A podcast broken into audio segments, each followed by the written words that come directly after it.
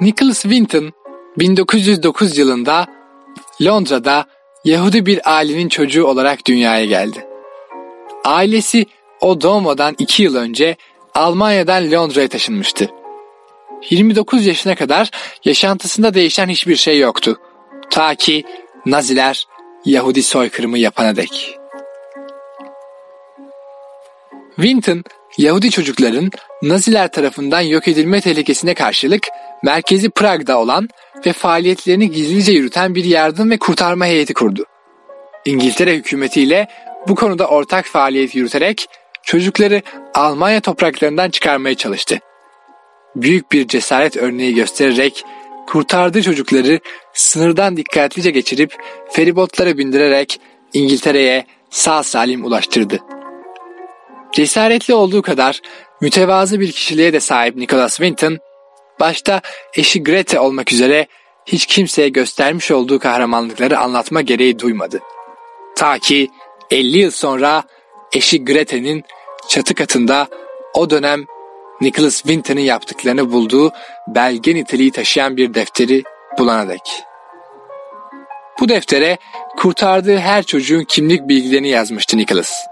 Grete, kocasının yaptığı iyiliği tüm dünyaya duyurmak adına bulduğu defteri bir gazeteciye verdi. Ve kocasının yaptıklarına karşılık duyduğu şükrandan dolayı ona bir sürpriz hazırlayarak Nicholas Winton'ı BBC'ye çıkardı. 1988 yılıydı. Winton, BBC ekranlarında bir programa konuk izleyici olarak katıldığında hiçbir şeyin farkında değildi. Bir konferans salonunda gerçekleşen programda sunucu defterdeki isimlerden birini okudu. Vera Diamond.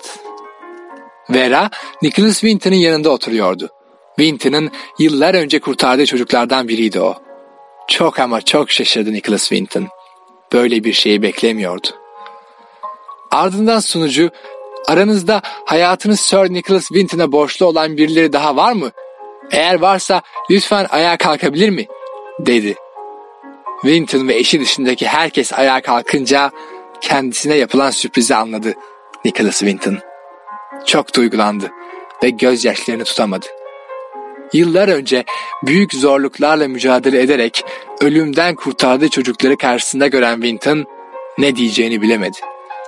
Aslında o sırada susmak yeterliydi zaten. Yürekleriyle iletişim kuruyorlardı onlar. Zira kelimelerin kifayetsiz kaldığı bir andı o an. Gözlerinden akan yaşları silmeye çalışan Winton, iyiliğin dünyadaki en yüce kavram olduğunu gösteriyordu herkese.